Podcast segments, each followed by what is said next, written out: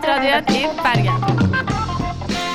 Det er en eh, fryd og sågar en glede å ønske hjertelig velkommen til eh, den gode samtalen på Studentradioen i Bergen. Det er onsdag, klokka er ti. I hvert fall på radioen.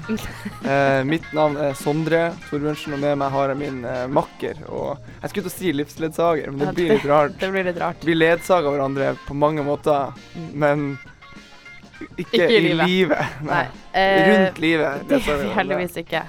Eh, vi er jo her i dag, og for de som aldri har hørt eh, våre stemmer, så lurer dere kanskje på hva dette er et slags program. Men eh, Den gode samtalen er rett og slett eh, det kjente og kjære programmet for noen, hvor Mm. vi hver uke inviterer en ny gjest, og egentlig bare prater om ting vi har lyst til å prate om. Mm. Det er jo en, eh, høres ut som en vinnende oppskrift, gjør ikke det? Ja, jeg syns jo det høres ut som en eh, Det, da vi lagde den ideen, så tenkte vi det var en millionidé. Eh, vi har ikke tjent så mye på det ennå, men vi er veldig Nei. fornøyd med ideen. Men Marie, programmet har som du nevner gjester hver uke. Vi har selvfølgelig med oss en gjest, og i dag er vi heldig, veldig heldige å få med oss, ha fått med oss uh, Kristin Helle Valle. Velkommen. Tusen takk. Du er jo rett og slett uh, sjefen for Litteraturhuset her i Bergen. Det stemmer. Du er på mange måter sjefen for diskursen utenom avisene. Ja, fint, fint sagt. Er det ikke det? Jo, jo. Veldig godt bruk, bruk av ordet diskurs. Altså- det er jo en evig diskusjon hvordan vi skal bruke det, men uh, her passet det veldig godt inn. Synes dere det var flott? Ja, det var litt sånn høyverdig, og så Ja. veldig selvfølgelig samtidig ble det uttalt. Men er ikke det ganske riktig, da? Dere, dere har vel vært hele tiden ute etter å være en debattarena? Jo. Ehm, egentlig et sted hvor man skal finne ut hvem man er, kanskje. Og det er vel en type diskurs hvor man snakker med hverandre og enten lytter eller slår hverandre i hjel med argumenter. Jøss, men finne ut hvem man er, det hørtes jo helt enormt stort ut. Ja, men altså finne ut hvem man er, så er det liksom sånn eh, Hvem er vi i Norge, hvem er vi i Bergen, hvem er vi hva, Hvilken kultur er det vi er del av, hvor vil vi Fins Gud? Mm. For det er jo akkurat så, Når man ser på programmet til uh, Litteraturhuset, så føles det jo som at det på en måte er alt. Mm. At man liksom, man, Det fins ingen tema man ikke er innom, i hvert fall på ett tidspunkt Ja. i løpet av en uh, sesong. Ja, kanskje. Altså, jo, det er mye vi ikke eh, er innom. Men det er, jo ikke, er ikke vi som er i administrasjonen eller redaksjonen eller hva vi skal kalle det. Vi få som finner på alt som skal skje der. Så vi eh, har stort sett funnet på det som er skjønnlitterært. Og så eh, har vi masse folk, institusjoner, eh, organisasjoner som gjør ting hos oss, og som tenker at ja, men dette er fint å ha på et litteraturhus. Og det kan være alt fra Naturvernforbundet til Handelshøyskolen til uh, universitetet til uh, ja, litt mer lødige ting og eh, mindfulness og mye Har dere det? psykologisk. ja, det er, ja, det er noen som, eh, som kommer og forteller hvordan man skal mestre livet sitt. Um, eller snakker om det. Så det er et stort spenn. Det var noen som drev med yoga her en gang. Men uh, vårt fokus, vi som liksom er ansatt i Litteraturhuset, det er jo å få løftet uh, ja, skjønnlitteraturen og Men også forskning, altså sakprosa. Um, så, men vi har ikke kapasitet til liksom å gjøre alt sjøl, så derfor så har vi i første rekke fokusert på skjønnlitteratur. Men jeg lurer på, jeg tenker på eh, sånn som nå, så vokser jo da ungdommer opp med, med litteraturhus rundt omkring i en del av de norske byene. Det har blitt et veldig stort sånn internasjonalt fenomen. Et veldig populært eh, hus som har dukket opp i masse steder i verden. Men jeg På tenker hver på knaus. ja, men jeg tenker på Nesten. Nei, men det, jeg tenker på hvordan var det å være Kristin da du var ung? Tror du at du hadde um, Savnet du et slags sted hvor du kunne gå til, eller hva gjorde du for å finne ut av hvem du var? Oh, jeg leste masse bøker. Mm. Eh, faren min var lege, og moren og faren min syntes det var veldig fint å reise rundt i verden. Så jeg i løpet av Jeg tror jeg har flyttet annethvert år hele livet. Eh, inntil jeg omtrent Ja, nesten Hvor er de rareste stedene du har bodd hen, da? Eh, jeg har bodd i, i Seoul i Korea, og så har jeg bodd hei. Eh, og så har jeg bodd i, i Kampala i Uganda og i Nairobi i Kenya. Og så har jeg bodd i Sauda, og så har jeg bodd i Tønsberg. Ja. og så, ja. Så jeg er født i Bodø alle steder. Oi. Så så, da har vi noe til felles! ja da. Det er helt briljant. Jeg er fra Bodø, jeg kan ikke svømme. Det var det en eller annen som lærte meg. Men i Bodø så må man faktisk kunne svømme, for man Ja. kan risikere å fly på skyen. Ja. Altså bli blåst på skyen. Ja. Jeg sier ikke skyen, da. Det gjør jeg meg litt? Ja. Jeg syns du skulle begynne med det. Det er veldig Ja. fint. Vi er frem, fram for dialektene. Ja, Ja. Men, men hvordan har du egentlig klart å få en dialekt hvis du har bodd overalt? Mm. Ja, det kan du si. For faren min, han, eh, han ble født i Harstad, og så flyttet han til Setesdal. Og mitt navn, Oi. altså mitt etternavn, Helle Valle, det er to bygder i Setesdalen. Vært i begge to. Ja. Du har det? Ja. Og jeg har Spilt der. Ja, og jeg har eh, Danset. Nei, jeg, nei, min mann har danset faktisk, eh, og har setesdalsdrakt, men han har ikke noe med Setesdal å gjøre. Men jeg, jeg har bunad. Ja. Ah, bunad. Men jeg har ikke dansa. Men um, ja, hva var det jeg skulle si? Hvordan jeg har fått den dialekten? Uh, ja, så jeg har jo bodd uh, Moren min snakker, øst, snakker østlandsk, men eh, Eller snakket. Eh, men vi har, jeg har bodd flere steder i Oslo også, da. Ikke bare disse eksotiske stedene. Vi hadde jo en språkforsker her som eh, er selvfølgelig veldig glad i Valle-dialekten. Å ja. For den er jo den mest spesielle dialekten i hele Ja. Norge. Du skulle ikke ønske at du hadde den, da. Jo. Men da tror jeg kanskje mange ikke ville helt skjønt Det meg, har hvis jeg vært hadde tatt den på alvor. Det var en litt vanskelig sjef for litteraturen, så ingen Ja, forstår hva jeg sier. ja, vi Ingen husker programmet, ingen som Ja, skjønner hva jeg sier. Da har vi blitt nødt til å transkribere dette programmet Ja. med og lagt en egen tekst. Men det er utrolig flott dialekt, altså. Når Ja. du hører, du kan gå inn på sånn derre på nettet, og så kan du høre sånn hvordan de snakker eh, i Vadde. Men forstår du absolutt alt? Eller? Nei, det vet jeg ikke. Da jeg var liten, så skjønte jeg ingenting. Men jeg er også oppkalt etter en grandtante som het Magl. Og Magl er det ingen andre som heter heller. Som fornavn? Ja, det er visst ti stykker som heter Magl i Norge. Ja, Kristin Magl Helle Valle. Og min far, han het vel egentlig Eller hans far igjen tok både Helle og Valle, for vi het først Kanskje vi het Helle eller Valle, nå husker jeg ikke helt. Men fordi slekta kom fra den ene eller den andre, og de het det ene eller det andre, så følte jeg liksom at begge to passet. Så det er bare vår lille familie og mine søsken og sånn som heter Helle Valle. Men, eh, men faren min het da Helge Tadeiv Sovison Hedde. Å, herre. Er ikke det flott? Det er litt av et Bare så navn. at, var da dere flytta rundt at de bare tok nye navn? Eller hadde han det fra før? ja, ja, ja, Neida. Bård og Harald har jo tullet veldig med det der Vale-Vale og ja. ja. Blir du fornærmet av det? Valle og Ja. Sånt? Nei, Er det det, stas? ja, altså, jeg føler meg elsket når Ja. noen tøyser med meg. Ja. Så ellers så hadde jeg hatt det ille ille i Mm. livet. Hvis det hadde skjedd nå, så hadde du mest sannsynlig blitt krenka, for det er veldig inn. Åh, vet du, jeg hater krenking. Altså, når folk sier at de blir, er- blir krenket, så tenker jeg sånn ah, Get yourself a life, Men er ikke det altså. litt sånn typisk ting å, å har for litteratur? For eksempel et litteraturhus, altså på en måte 'Krenkningens tidsalder' er overskrifta, og så Jo, det skulle jeg innmari gjerne hatt. Og så skulle alle de som følte seg krenket, som kunne komme og stille seg opp og si hva de følte seg krenket av. Og så kunne vi le. Ja. ja, men det er så taperaktig å si 'Å, jeg er så krenket'. Men man går jo inn i en offerrolle. Eller det, du, Ja. du tar jo virkelig på deg offerkappen Ja. Mm. når du sier at du føler deg krenket. Ja. Det er jo noe veldig sånn Ja, det er jo svakt og sånn derre fislete med det. mm. Men kanskje vi ja, er det det vi er litt sånn redd for å Men samtidig, det virker som det har blitt det har blitt eh, kult å være den som har blitt et offer, da. Og- Nesten. Nei, men at, når folk sier at de, altså, de At de liker å er ta på seg den krenkerollen Ja, men de får jo oppmerksomhet på Ja. det. Det er jo bare det. Det er jo ikke det at det er kult. Det er Nei. bare det at 'Å, se på meg, det er så synd på meg'. Jeg syns det mest paradoksale er vel kanskje at det veldig ofte er andre som blir krenka på vegne av andre. Ja, det òg. Det er det mest Ja. paradoksale. er Sånn, Ja. Hvor kom du ifra? Det er akkurat som Ja. en person Hvordan kan du ikke Ja. føle krenken Ja. hans? Se på krenken min. Det vi skal være veldig glad for at Norge er et utrolig empatisk land. Ja. Kan man sette seg inn i andre sine følelser, tydeligvis, da. Hvis man har den Ja, kanskje det. Jeg tror vi har lært det fra et annet sted, da. Ja. Det er det. litt sånn amerikansk. Oh, I'm sorry. Oh, I love you. Det er veldig sånn. Vi skal høre litt uh, musikk. Vi pleier å ha ønskelåter i dette programmet for å prøve, måtte prøve å vise fram våre gjester i et slags musikalsk univers. Og, så, og da skal vi begynne Du må uh, si fra om jeg uttale rett. Matt Bianco. Bianco? Ja. Bianco. Jeg vet ikke. Get out of your lazy bed.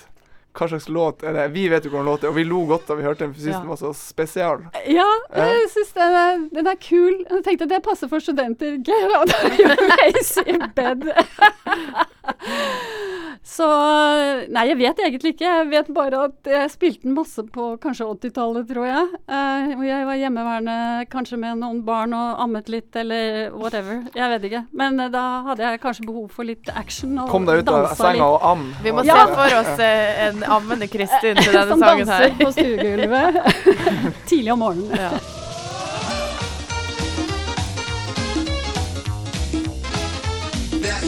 Lazy, baby. Get up, get up, get out your lazy, bed. Ja, mildt sagt eh, elleville toner der. Dette var da Matt Bianco med 'Get Out of Your Lazy Bed'. Det var saker. ja, det var heftige saker.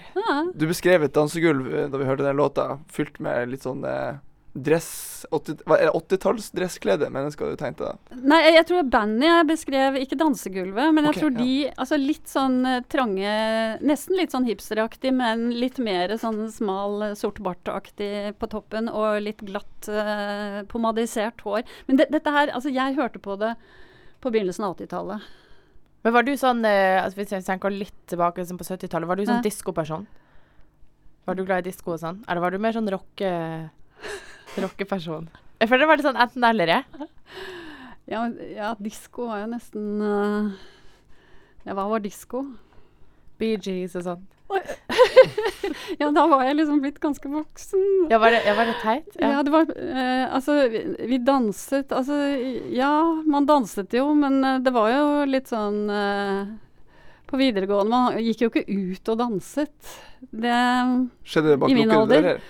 Nei, men ja, det var vel ikke var jo ikke noe sted. Det var Nei. ikke noen sånne steder å danse, egentlig. Men hvor var det du studerte den?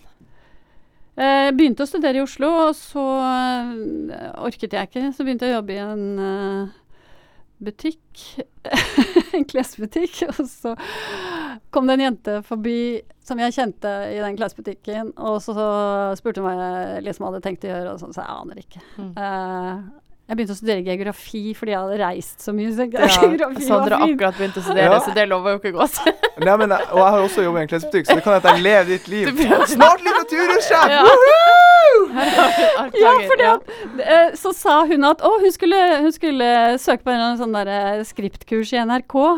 Å, det hørtes kult ut, tenkte jeg. Og jeg vokste opp uten TV, liksom. Altså, Hjemme hos oss så eh, hadde vi et gammelt sort-hvitt-TV hos moren og faren min. Så vi satt på spisestoler og så på TV, for mor syntes ikke det var noe Altså, vi skulle heller lese bøker og sånne ting, da. Mm. Så eh, jeg Kjenner tenkte den. Ja. Kjenner ikke den. Nei. Så derfor så, så begynte jeg eh, i NRK uh, i hva var det, 72 eller noe sånt. Og da begynte du altså som skript. Ja, så Da gikk jeg på kurs. Det var sånn internopplæring i NRK hvor du fikk betalt for å lære å bli verden. Ja, dette her er ja. Det høres ut som vel, velstand. Men ja. kan du forklare hva en skript er? For det syns jeg alltid har vært veldig vanskelig å forstå. Nei, altså det er en slags sekretær som uh, eh, hjelper til å Slik at den som sitter med og skal produsere, har kameraer f.eks. i studio, da, så har du fem kameraer. Så sitter skripten og sier 'neste er kamera én', og så sier produseren 'kamera én', smakk. Mm. Og så sier du 'neste er', 'neste er', 'neste er'. Og så eh, gjør du andre Jeg trodde skripten var den som var sånn Skrev- «Åh, Nå hadde han eh, eh, I sted hadde han en blomst i knappehullet. Nå Ja, har han det ikke lenger! ja. Herregud! Stopp, stopp, stopp! stopp. Og det er en annen type skrift, for Ok. det er sånn der kontinuitetsskripting. Så det For gjør det man på syns jeg virker så vanskelig. For det er sånn, da må du følge Ja. med på alt. Ja, og da tegnet og tegnet i sånne For jeg jobbet også i, i dramaavdelingen, så da hadde jeg liksom hele manuset i boken, og da hadde jeg tegnet omtrent hvert eneste bilde, og jeg skrev og skrev og skrev. Så jeg var veldig flink til å huske å se For det sånne må ting. være vanskelig. det Han var har bare én sko på seg! Nei! Det høres ut som, Ja. altså, som en autists drømmejobb. Ja. Ja! Fotografisk minne. Ja. Ja. ja. Det må være drømmejobben. Eller, altså, alle med fotografisk minne må jo ha Mm. Kunne gjøre det godt i alle jobber, men det må være drømmejobben deres. Det var veldig gøy da en stund, og så begynner det å bli kjedelig, for det er så mye venting. I hvert fall på Mm. film, eh, filmopptak. Men eh, Dagsrevyen, da er det liksom action. Så da er det noe helt annet. Fordi det er live. Ja, direktesending, og jeg greide til og med å stoppe han som leste han ankeren, så å trykke på en knapp, så jeg trykket på, jeg trykket på telefonen hans. Så han stoppet å lese midt under sending, og tok opp telefonen og sa Og det var utrolig pinlig. Men har de gjort noen sånn skikkelig tabber? Sånn der TV-tabber? For det tenker jeg alltid Nei, det er den største på Det største. sending. Ja, Det var live. Ja, det var ingen som alle, alle bak kamera holdt jeg på å si, visste at det var meg, da. Så det var ganske pinlig. Ja. Men jeg har gjort morsomme ting, og jeg har vært med um, Jarl Munch, som han het, til um, Iran. Og da han intervjuet Shana Persia. Det høres ut som kanskje litt mer spennende enn sånn skrift, Ja, eller? det, var, det var kjempespennende. Vi, vi fikk jo reise også den gangen, så Mm. da ble det jo på en måte en slags sekretær for eh, den gjengen som dro. Fot foto og lyd og journalist. Så mm, Nei, det var kjempespennende. Så da var vi i palasset til Shana Persia, og så tenkte jeg dette her må jeg bruke til noe. Og så før, mens vi ventet på sjahen, så sa jeg til en av de der eh, mennene som sto der, sa jeg, å, jeg må på toalettet. Og så Hvordan var toalettet? Hvordan så toalettet? Det er det som er Ja. historien. Så gikk det én mann foran meg, én mann bak meg, ut av dette kjempesvære rommet så hvor vi skulle eh, Sånn mottagelse. Med Jean. Det var bare oss, og så skulle Men Shan du måtte komme. bli fulgt rundt? Så må jeg, måtte jeg bli fulgt et stykke av gårde, og inn på et sånt Selvfølgelig et slags gjestetoalett, da, men det var ca. 50 meter langt, og med gullkraner og Jesus. Men var det sånn at det var 50 Marmor meter langt, og og- så var det ett do inni rommet? Nei, jeg tror det var et par doer. Men jeg tenkte nå kan jeg ikke bruke for lang tid der inne heller.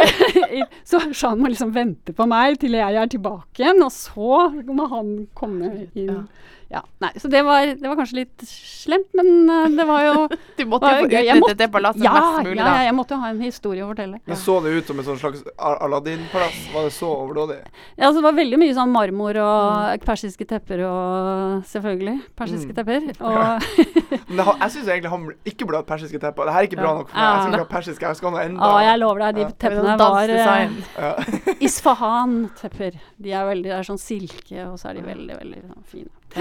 Men hva var egentlig grunnen til at du gikk fra NRK til TV 2? Det høres ut som en slags sånn ideologisk sprang, nesten. Også. Nei, ja, på en, nei, det var altså jo Sånn som du forteller, høres jo NRK ut som verdens gøyeste jobb. Eh, ja, jeg hadde kjempe Jeg var Ja. kjempeheldig. Det må jo ha vært sånn gullalder hvor jeg kunne gjøre alt mulig.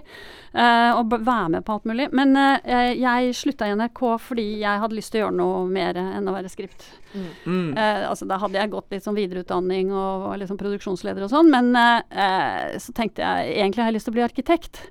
Um, så jeg søkte på Arkitekthøgskolen, men jeg kom ikke inn. Og så eh, begynte jeg å studere psykologi Eller jo, begynte jeg? Nei, jeg, jeg ville studere psykologi. Og så ble kjent med Magne Raundalen, som er en veldig kjent barnepsykolog, som eh, som eh, sa at du må komme til Bergen, for her er det så flott psykologstudio. Og så eh, var mannen min med på det, for jeg syns han burde reise fra Oslo, for det er- var liksom ikke Jeg tror ikke Oslo er så veldig bra, hvis man er litt sånn kjendis. Ohoi, ohoi. Så det er bedre å bo i Bergen, da? Ja, Bergen er helt Det, Jo, det er litt mer sånn fristad, er det ikke det? Jo, det er kultur her. Altså, du, du har liksom både historien og den gamle, liksom opprinnelige kulturen, og du har kultur i sånn kunstforstand, og du har folk som bryr seg, og du har Altså i hvert fall inntil uh, nylig så var alle politikerne var bare liksom enige om at vi er Nordens beste Altså det er kulturbyen Bergen. Mm. Så det skal vi bare ha alle, alle politikerne som nå skal starte igjen her i, i det nye byrådet eller uh, bystyret, de skal sørge for at vi blir den store kulturbyen som vi, ja, som vi er ment å være. Nå sier jeg vi, fordi at nå føler jeg liksom at jeg hører til Bergen, for nå har jeg bodd her i 30 år. Ja.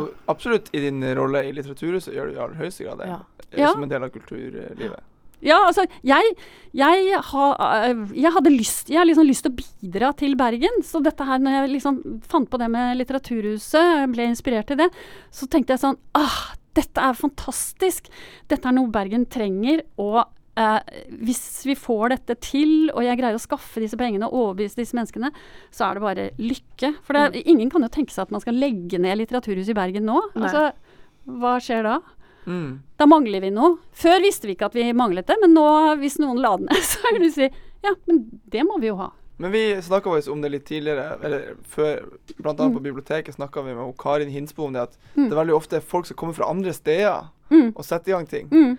Hvorfor tror du ikke det var noen bergensere som satte i gang? på en måte? Selv om du nå da sier at du føler deg som en bergenser. Ja. Det skal du få lov til. Ja, ja, ja.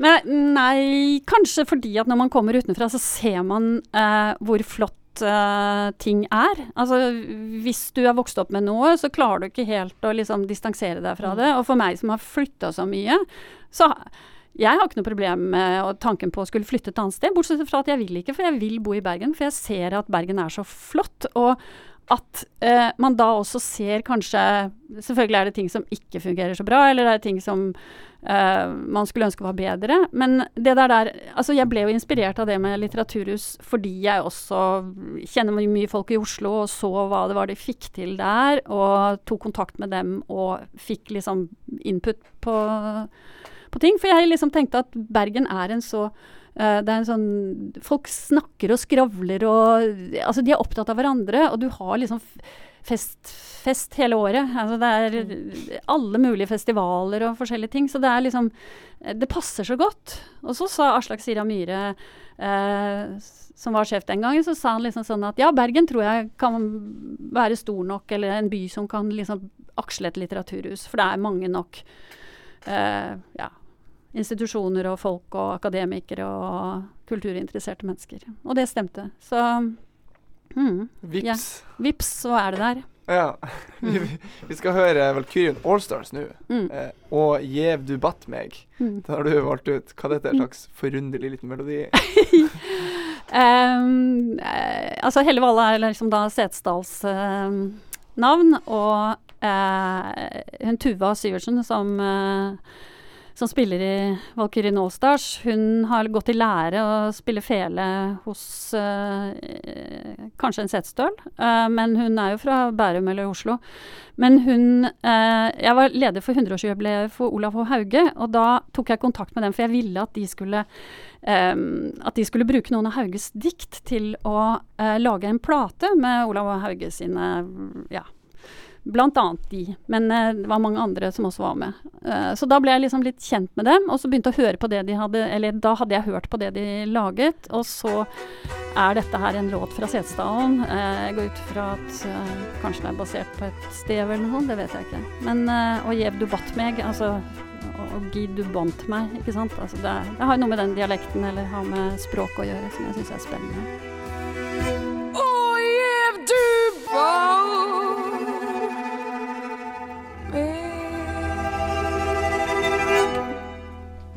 Det var fiolintoner fra Valkyrien Allstars. Ja, det var rocka fiolintoner, hva tror vi kan kalle det? ja, det var, det var fiolinspilling med naglebelte. Åh, Eller noe i Hardingfele. Men Det var hardingfele, ja. Men hva er forskjellen på en fiolin og en fele? Nei, altså fiolin og fele er for så vidt det samme. En hardingfele er jo en som har doble strenger hele veien, tror jeg. Det er en annen lyd. Du hører det med en gang. Mm, du hører det har liksom sånn Ikke bare én tone, men liksom to. Det er litt mer svung over det, kanskje. Ja. Ja, det er komplisert. Her i det lille uh, feltet mitt uh, står det 'Åssen ble det som det ble?' Fra idé til form, har vi skrevet. Og det hørtes ut som et veldig stort spørsmål. Men vi lurte bare litt på, og det har vi egentlig fått svar på, ah, ja. det med på en måte hvordan litteraturhusideen kom til. Men uh, jeg lurer på om du kan si litt kanskje om hvordan funksjon du mener at litteraturhus fyller som i vår, i vår tid. Altså, jeg tror det er litt sånn kirkebakke, Folkets hus, eh, bla, bla, treffe hverandre, ikke sende SMS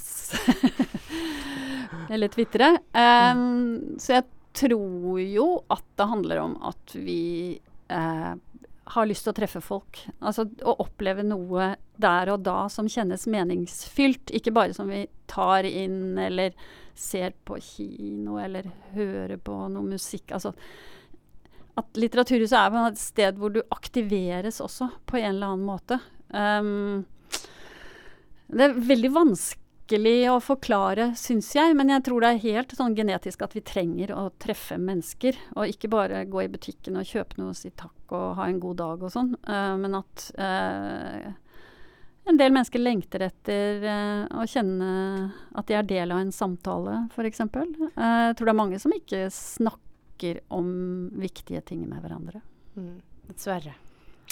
Men jeg tenker også det, det som er fint med, med Litteraturhuset, er jo det at man kommer veldig tett på gjestene, f.eks. For Mm. Fordi at eh, rommene er på en måte Ja, det er forskjellige størrelser på de forskjellige rommene, ikke sant. Og jeg var jo eksempel eh, Da Yaya Hassan var der i fjor, så Han er du litt forelska i, det kan du få si. Ja, jeg den forelskelsen går ikke over for min del. Skrev bacheloroppgave om han. Eh, tydeligvis tydeligvis han etter han.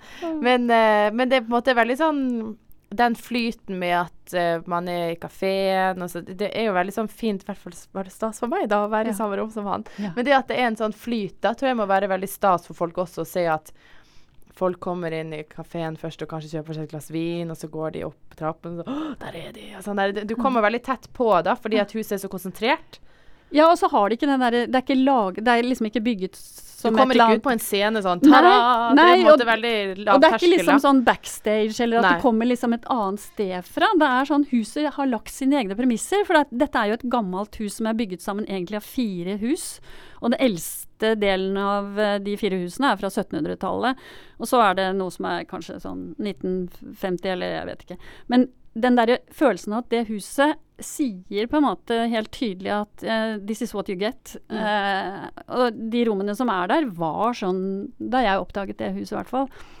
Så selv om det er pusset opp og gjort litt sånn eh, branngreier og sånn, uh, så, så er det noe med at det er innmari gøy at det huset er sånn at eh, vi må ta hensyn til det, men samtidig så gir det huset noe tilbake, som du sier, gjennom at det er litt trangt, og så er det litt sånn at man må gå forbi her og der, og så er det plass til så og så mange mennesker. Det er liksom ikke Grieghallen hvor du kommer eh, 100 meter unna artistene, liksom. Du, og er det fullt, så er det fullt, hvis ikke vi har streaming og sånn. På Yahya Hassan så var det jo også streaming til et annet rom, og folk sitter jo der på en måte og Ja. klapper, selv om han ikke er i rommet, så, Mm. så er de Mm. med.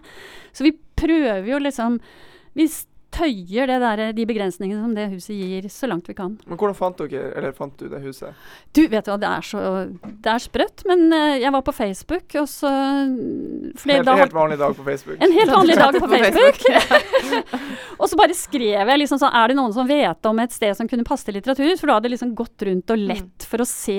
Fordi at dette huset måtte ligge et sted hvor folk passerer. Det kan ikke ligge liksom ut på Nordnes eller Nei. inn Mm. mot Danmarksplass. Det må være et sted hvor folk eh, krysser. Så, og derfor er Bergen så fin, ikke sant. Fordi at du får alt ramler ned midt i sentrum fra alle fjellene og, og sånn. Så boff, så er det liksom nederst i vågsbunnen. Og så, eh, så var det, og så må det ligge i første etasje, og så måtte det være eh, ja, lett tilgjengelig, liksom. Og så, mm, og så skrev jeg det på Facebook, for jeg hadde ikke funnet noe, og det var så vanskelig, og 7-Eleven og Del de Luca, idiotbutikker. Gode nudler? Ja. Nei, ok. Eh, så uh, de som har råd liksom, til å kjøpe eller til å betale leien til førsteetasjene, de vinner jo. Det vil vi ikke ha nå her i Bergen. Men eh, da var det en jente som svar, Ylveton som skrev 'Har du snakket med Pallasgutta eh, nede i Vågsbunnen?' Så tenkte jeg Vågsbunnen, der er det jo bare små trehus og Mm. rare ting. Men så tok jeg på meg lille ryggsekken min og jogget ned fra høyden hvor jeg bor, og så Hva hadde du i ryggsekken sin? Den var så viktig. Nei, jeg har en sånn derre Jeg har en sånn derre slapp liten sekk som eh, man kan ha forskjellige ting Det var bare siden den var så veldig spesifikk. Jeg hadde med meg min sekk. Ja, fordi at jeg tenker det er så rart. Jeg, jeg har ikke sånn veske eller noe sånt. Jeg har en sånn, en sånn spesialsekk som jeg har skifta ut et par ganger, som jeg har brukt helt siden jeg var 21. Men uh, det er nå så. Eh, Men i hvert fall så kom jeg ned dit, og så spurte jeg et sted hvor er det Pallas holder til, liksom. Så pekte jeg opp i gata, der oppe er de. Så jeg, banket jeg på, gikk inn, og så spurte jeg har dere noe sted for et litteraturhus. Ja. Ah, bli med her ved siden av. Og så ble jeg med inn i det huset, så tenkte jeg this is it. Sånn Mm. er dette. Det er dette. Jeg, og jeg har bodd så mange steder og pustet opp så mye hus, og jeg vet eh, hvordan det skal kjennes og hva som er riktig. Så jeg Med en gang så visste jeg at det, dette stemmer. Men hva gjorde du da? Prøvde du å spille litt cool, sånn at det ikke skulle bli så høy led? og sånn? Nå, det er noen mangler her. Ja. Ja, nei, jeg, nei, jeg er sånn begeistret, jeg. Så jeg er Men det var vel en ganske sånn stor renoveringsprosess, var det ikke det? For det er jo du et gal? eldgammelt hus. Ja. Og først så var det sånn, nei, de hadde ikke, kunne ikke pusse opp, de som eide huset, Palace. For det, dette her var i 2008, og da var det krise og alt mulig. Og så gikk jeg til Entra Eiendom, som er sånn statens uh, eiendomsselskap. Uh, eller var det før, i hvert fall. Og ja, de var, kunne være interessert, så vi snakket lenge med dem. Men de skulle jo pusse opp for eh, millioner, uh, nei, ja, så, mange, mange millioner. Millioner. Ja. Ja. Så da, måtte jo, da ville jo jeg fått den regningen i form av en kjempehøy husleie. Så det var frem og tilbake, frem og tilbake, og så plutselig kom Pallas på banen igjen. Og så sa de nå er liksom finanskrisen på vei bort, så nå kanskje vi har råd likevel, liksom. Og så, så ble det satt i gang, da. Så moralen i akkurat den viser er hvis det er en finanskrise, bare vent litt. ja. Bare slapp av litt, det ordner seg. For når den går over, så har du litteraturhuset ditt. ja. Men det føles ikke sånn akkurat da. Det var Men det veldig tok en del år å få det Ja. klart, ikke Ja. sant? Så den ideen Ja. her startet vel da for deg 2007-2008. Ja. Og Så så det er snakk om en nesten femårsperiode fra idé til form. Yes. Ja. Så det er eh, Jeg vet ikke Jeg hadde så sterk tro på at dette skulle bli bra, Mm. eh, at jeg Pluss at det var folk som trodde på det, eh, og som hadde også gitt noe penger. Og da må jeg berømme sånn som Monica Mæland og Trude Drevland og um, Altså Bergen kommune eh, var veldig støttende veldig fort, og ikke minst også Sparebanken Vest og Siren Sundland. De var liksom eh, dette vil vi, vi vil ha et litteraturhus i Bergen. De skjønte hva det dreide seg om. Og så kom Trond Moen på banen, og så kom Julenissepappa som ordner alt. og- Ja. ja. Nei, det var fantastisk. Og det er så deilig, fordi at alle disse er med fremdeles, og alle Mm. syns at det er kjempefint. Ja, men det må jo være utrolig gøy når du Særlig det der med Trond Moen og sånn, ikke sant. Som Mm. kommer som en sånn derre jule... Ja, jeg hadde virkelig- snakket med han en del, da. Men Ja, ok, eh, ja, du hadde jobbet litt ja, med han ja. kom ikke liksom uh, åpnet en dør og sa vær så god, her har du Sånn virker det bare alltid i avisen, at han bare Ja. spretter fram sin og sånn Jo da, han- jeg fikser! Som at han holder åpen den ene sida av frakken sin, og vips. Ja. så har de penger. Nei, men han sa For det er første gangen jeg liksom presenterte for han og hadde laget et slags dok eller budsjett og sånn. For det at, altså, poenget er å ikke, ikke si 'Å, vi skal lage så mye fint'. Mm. Poenget er å si det er realisme i dette. Mm. Vi har et hus, skal, sånn er inntektsmulighetene, dette og bla, bla. Altså Mm. all, alt det der formelle. Så sa han at ah, jeg syns det er litt sånn øh, topptungt, uh, ser det ut litt sånn administrert, at det er for mye mennesker her i administrasjonen. Og da skrellet jeg ned og prøvde å finne på nye Mm. måter, liksom. Så jeg, jeg, har jo, jeg har jo jobbet hele tiden, så jeg har liksom lobbyet uh, overfor mange. Eh, så det er, det er ikke bare sånn at jeg sittet og ventet, og så har pengene kommet, og så var det gøy. Så jeg mistet jo liksom motet innimellom og tenkte Mm. at nei, nå kommer vi ikke videre. Jeg har liksom litt penger, men det går ikke. å styret av. nei, vi kan ikke si at nå er vi i gang. Vi kan ikke si lage en leieavtale eller pusse eller si at det er greit at de begynner å pusse opp. Så, så det var eh, Det har vært nedturer. Men med en gang jeg begynner å snakke om det, eller begynte, og begynner for så vidt, så blir jeg så begeistret. Fordi jeg syns fremdeles det er en kjempegod idé.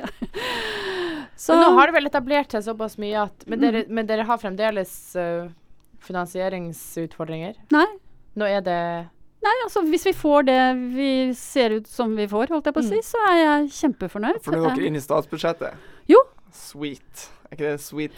Det er sweet. Ja, det er kjempesweet. Ja. Eh, altså, Toril Vidve vil nok ikke ha oss der, men eh, nå vil det mange andre som har villet ha oss Mm. der. Så både Venstre og Kristelig Folkeparti og eh, alle her i Bergen har liksom pusha på i Oslo for å Mm. få, få oss med. Så, så mange politikere som har stått bak og, og løftet i kor.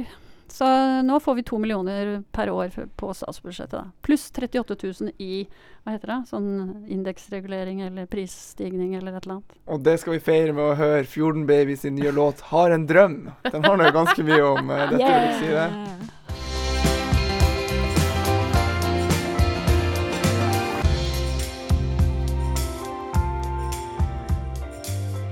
Kjære alle sammen. La oss bruke 2015 til å gi hverandre tid til den gode samtalen. Vi bærer flammen, Takk, kong Harald, nok en gang. bær ilden. Altså, den gode samtalen heter jo dette programmet her. Mm. Eh, og vi eh, fleip Det er egentlig jo selvfølgelig litt fleip i den tittelen. Jeg føler det er ganske alvorlig. Altså, Ja. Selve det å, å ha den gode samtalen er jo eh, absolutt alvorlig, men selve det begrepet, den gode samtalen Det er kanskje litt flåsete. Det ja, og jeg det. føler ofte at det kanskje virker som et litt sånn mål på Litteraturhuset. Sånn som når f.eks. Mm. Davy Vatne er der, Ja. Lundekvam. Jeg var ikke der, men Nei. da virker det ofte som at målet er at man skal ha liksom, den gode samtalen. Ja, hva definerer du god som, da? Ja, det, det, det har vi, det, vi, vi pleide faktisk å spørre Den er jo nesten udefinerbar, vi, da. prøvde å, vi prøvde å stille gjester det spørsmålet liksom, sånn, i, i de første programmene. Liksom, hva er en Ja. god samtale? Ja. Alle var sånn Jeg, aner ikke. Jo, men det var jo nesten alltid svaret var At at det skal det gli skal, av seg selv, flyte, det skal gå av seg selv, det skal gi mening, du skal lære noe, man skal le. Ja, ja. Man bare spiller ball, ikke sant. Det skal ikke stoppe, og man må stille hverandre sånn pinlige spørsmål eller sånn. Det skal Men bare det- gå. Da vi flyttet til Bergen, så kjente jo ikke vi så veldig mange mennesker. Og da eh, fant jeg på at vi, hjemme hos oss skulle vi ha fredagsmiddag, og det en gang i måneden.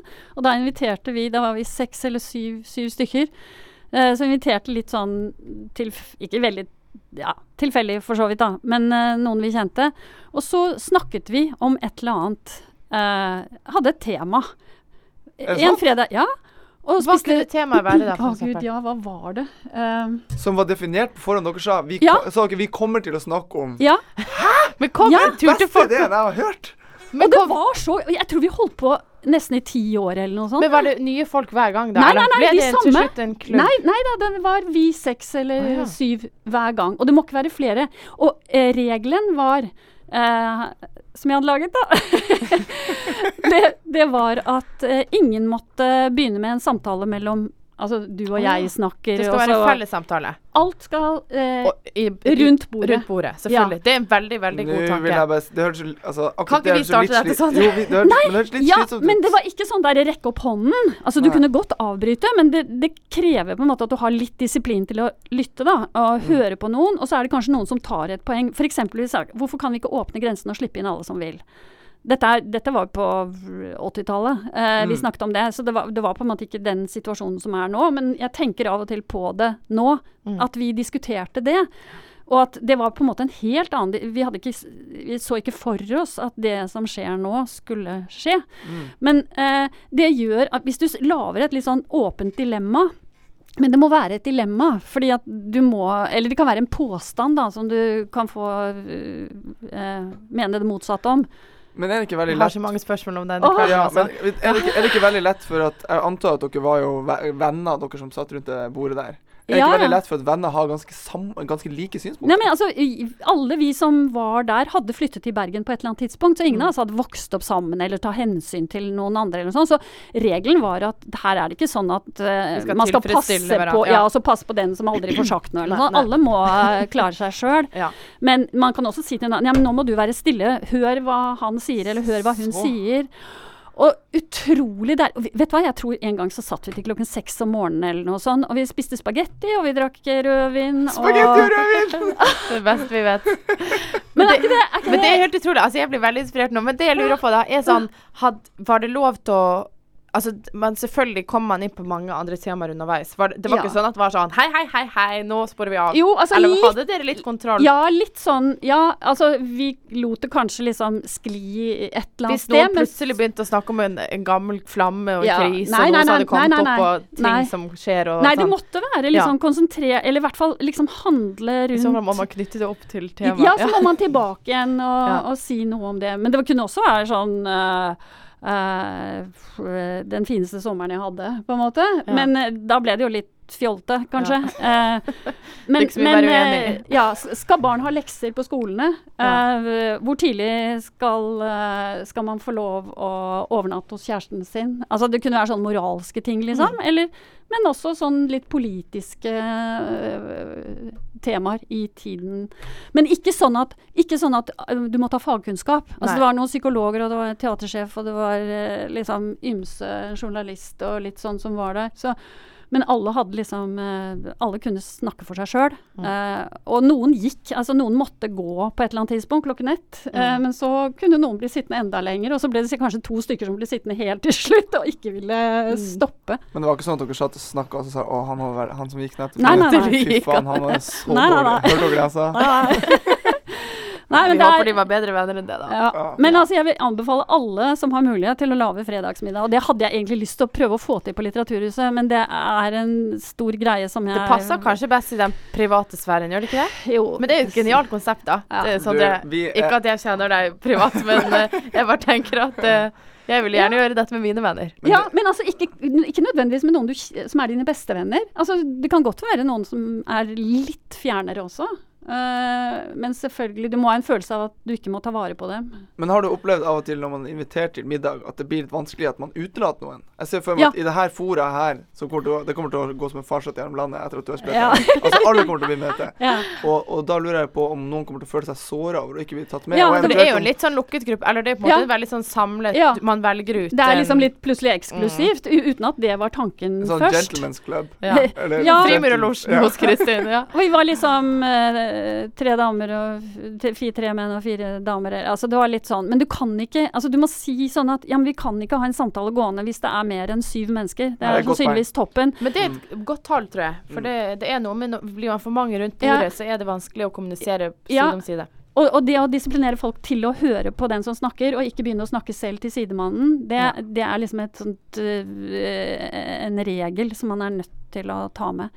Og så var det en som presenterte i starten, og så er det en som presenterer dette dilemmaet. Altså, man, man, men visste man det på forhånd, eller kom Ja. man dit og så var det sånn? Så, så det kunne være begge deler, men Ja. eh, noen ganger så var det en som Altså, man spurte Neste gang kan du finne Mm. på noe vi skal snakke om. Og så si det enten når du kommer, eller kanskje si fra litt på forhånd. Ja. Så man kan sendte tenke litt på det. telegram rundt. Ja, Ja. en brevdue. Ja. Men, eh, eh, men, uh, men det er veldig lett Eller det er ikke lett, da, men det var noen som gjerne ville være med, og som helt sikkert fremdeles er sår fordi de ikke fikk være med. Mm. Men det er ikke fordi ikke man liker det, men det er fordi at nei, det kan ikke være flere. Ja. Og så er det noe med at når du har holdt på en stund, så er det også sånn at uh, du får en historie sammen. Eh, det, er- jeg, alle opplevde det som svært meningsfylt. Fytti katta, jeg er så inspirert. Program Programmet er over, vi skal, Nei, vi skal høre litt uh, mer musikk. Vi skal høre Altså, det, det var helt seriøst. Det der var mitt bra. Det er det. Alle må gjøre det. Vi skal høre Great News, Bergens beste band, med Love Her. Et av Bergens beste.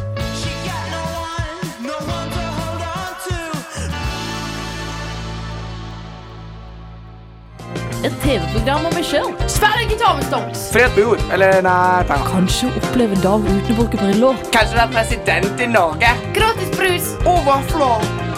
Min drømme. Eller mitt drømme.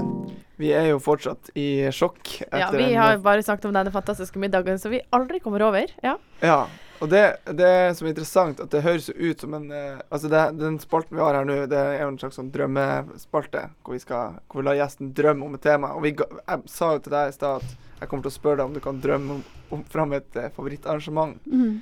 på, uh, på Litteraturhuset. Og da sa du at det var umulig. Eller det virka som at det var umulig. Ja, altså, men nå når vi har snakket om denne med, dette med fredagsmiddag Dette må jo være drømmen. Ja, og hvis vi hadde fått til det på Litteraturhuset f.eks. i kolonialen i Brasseriet, og hatt la oss si fem bord med seks-syv mennesker rundt hvert bord, altså at folk enten kom som en gruppe eller meldte seg på, Ja. og at en eller annen f.eks. introduserte et tema for alle sammen. Og så kunne man spise middag, og så kunne man eh, diskutere rundt hvert bord, da. Dette Eh, er jo en, en millionidé. ja. Ikk- det, Det skal ikke på. TV. Nei, du må copyright. Nei, selvfølgelig ikke på TV. Men- Men, det, ja. Men det er jo helt eh, Tenkte du da at det skal være en slags sånn blind date-aktig form? At man møter tilfeldige mennesker? Eller skal man, eh, Man kunne gjøre, gjort gjeng? begge deler, Mm. tenker jeg. Du kan melde inn to puljer, enten tilfeldig eller eh, ja, Eller du kan sånn melde deg på. Ja. Du og gjengen din, ja, meld deg ja, på. Sant? Du kjøper middag, kjøper Ja. en vinpakke, Ja. og så er du liksom Og Ja. så får du dagens tema servert ja, på en sølvfat. Men du må ha en Ja. vinpakke, sant? Ja.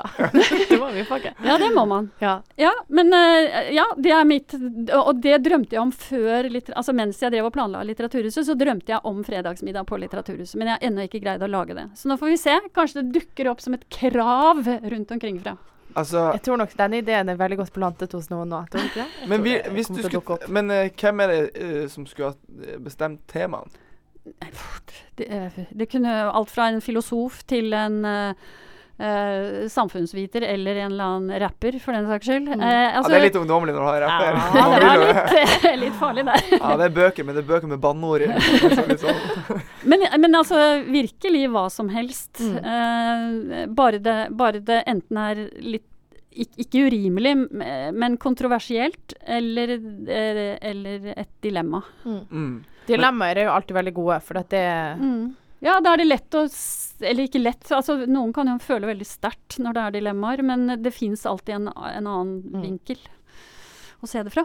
Men husker du noen eh, eh, samtaleemner dere hadde på den tida? Dette Som- spør vi om for å få tips til våre Ja, egne. ja, nei, men, men husker du noen, eh, noen samtaler dere hadde som Som har brent seg fast? Brent seg fast, sånn- liksom? Altså, Nei, for det var så mange. Altså, det Mm. var jo en fredag i måneden i, når man ikke hadde ferie og sånt, så var det Og kanskje i ti år. Så det Jeg husker bare at det var utrolig mange fine, gøye og til dels heftige og kanskje noe ag og, ganske aggressive innimellom samtaler.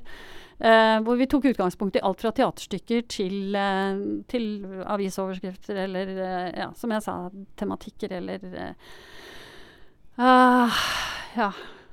Nei, det, altså, det, det er så mye. Og når du å snakke Det er alltid så mye å ta av, ikke sant. Det er nesten Ja. som å Ja, det er Ja. bare å lese avisen. Det er liksom 40 ting man alltid kunne gått gjennom. Ja, så, altså, er det noen som liksom mener Jeg husker liksom at det har vært folk som har ment noe, så er det noen andre som sier Hva? Du kan ikke mene det! Mm. Eh, eller eh, Jeg husker vi hadde litt sånn kjønnsaktig debatt som gikk på sånn der at eh, det var en av mennene i den gruppa som trodde at jenter alltid Altså at de på en måte pyntet seg for menn. Eh, altså at man pyntet seg opp for at mennene skulle begjære eller like, mens jentene mente at det kanskje ikke var tilfellet. Og det var veldig rart å liksom avdekke en sånn derre eh, Plutselig en sånn kjønnsdimensjon i det vi diskuterte, som var sånn Å, tenker dere fremdeles sånn, så gamle Mm. som dere er, eller eh, Ja. Men altså eh, Vet ikke om det er betegnende. Men det, det var i hvert fall Det kom også overraskende utsagn fra Mm. folk som uh, Som man kunne være veldig uenig i, eller bare ta til etterretning. Eller uh, fortsette å nevne ved en annen anledning hvor det måtte passe seg. Men jeg, jeg husker første gangen jeg fikk vite at noen eh, eh, noen jeg var venn med, hadde et annet politisk ståsted. Ja.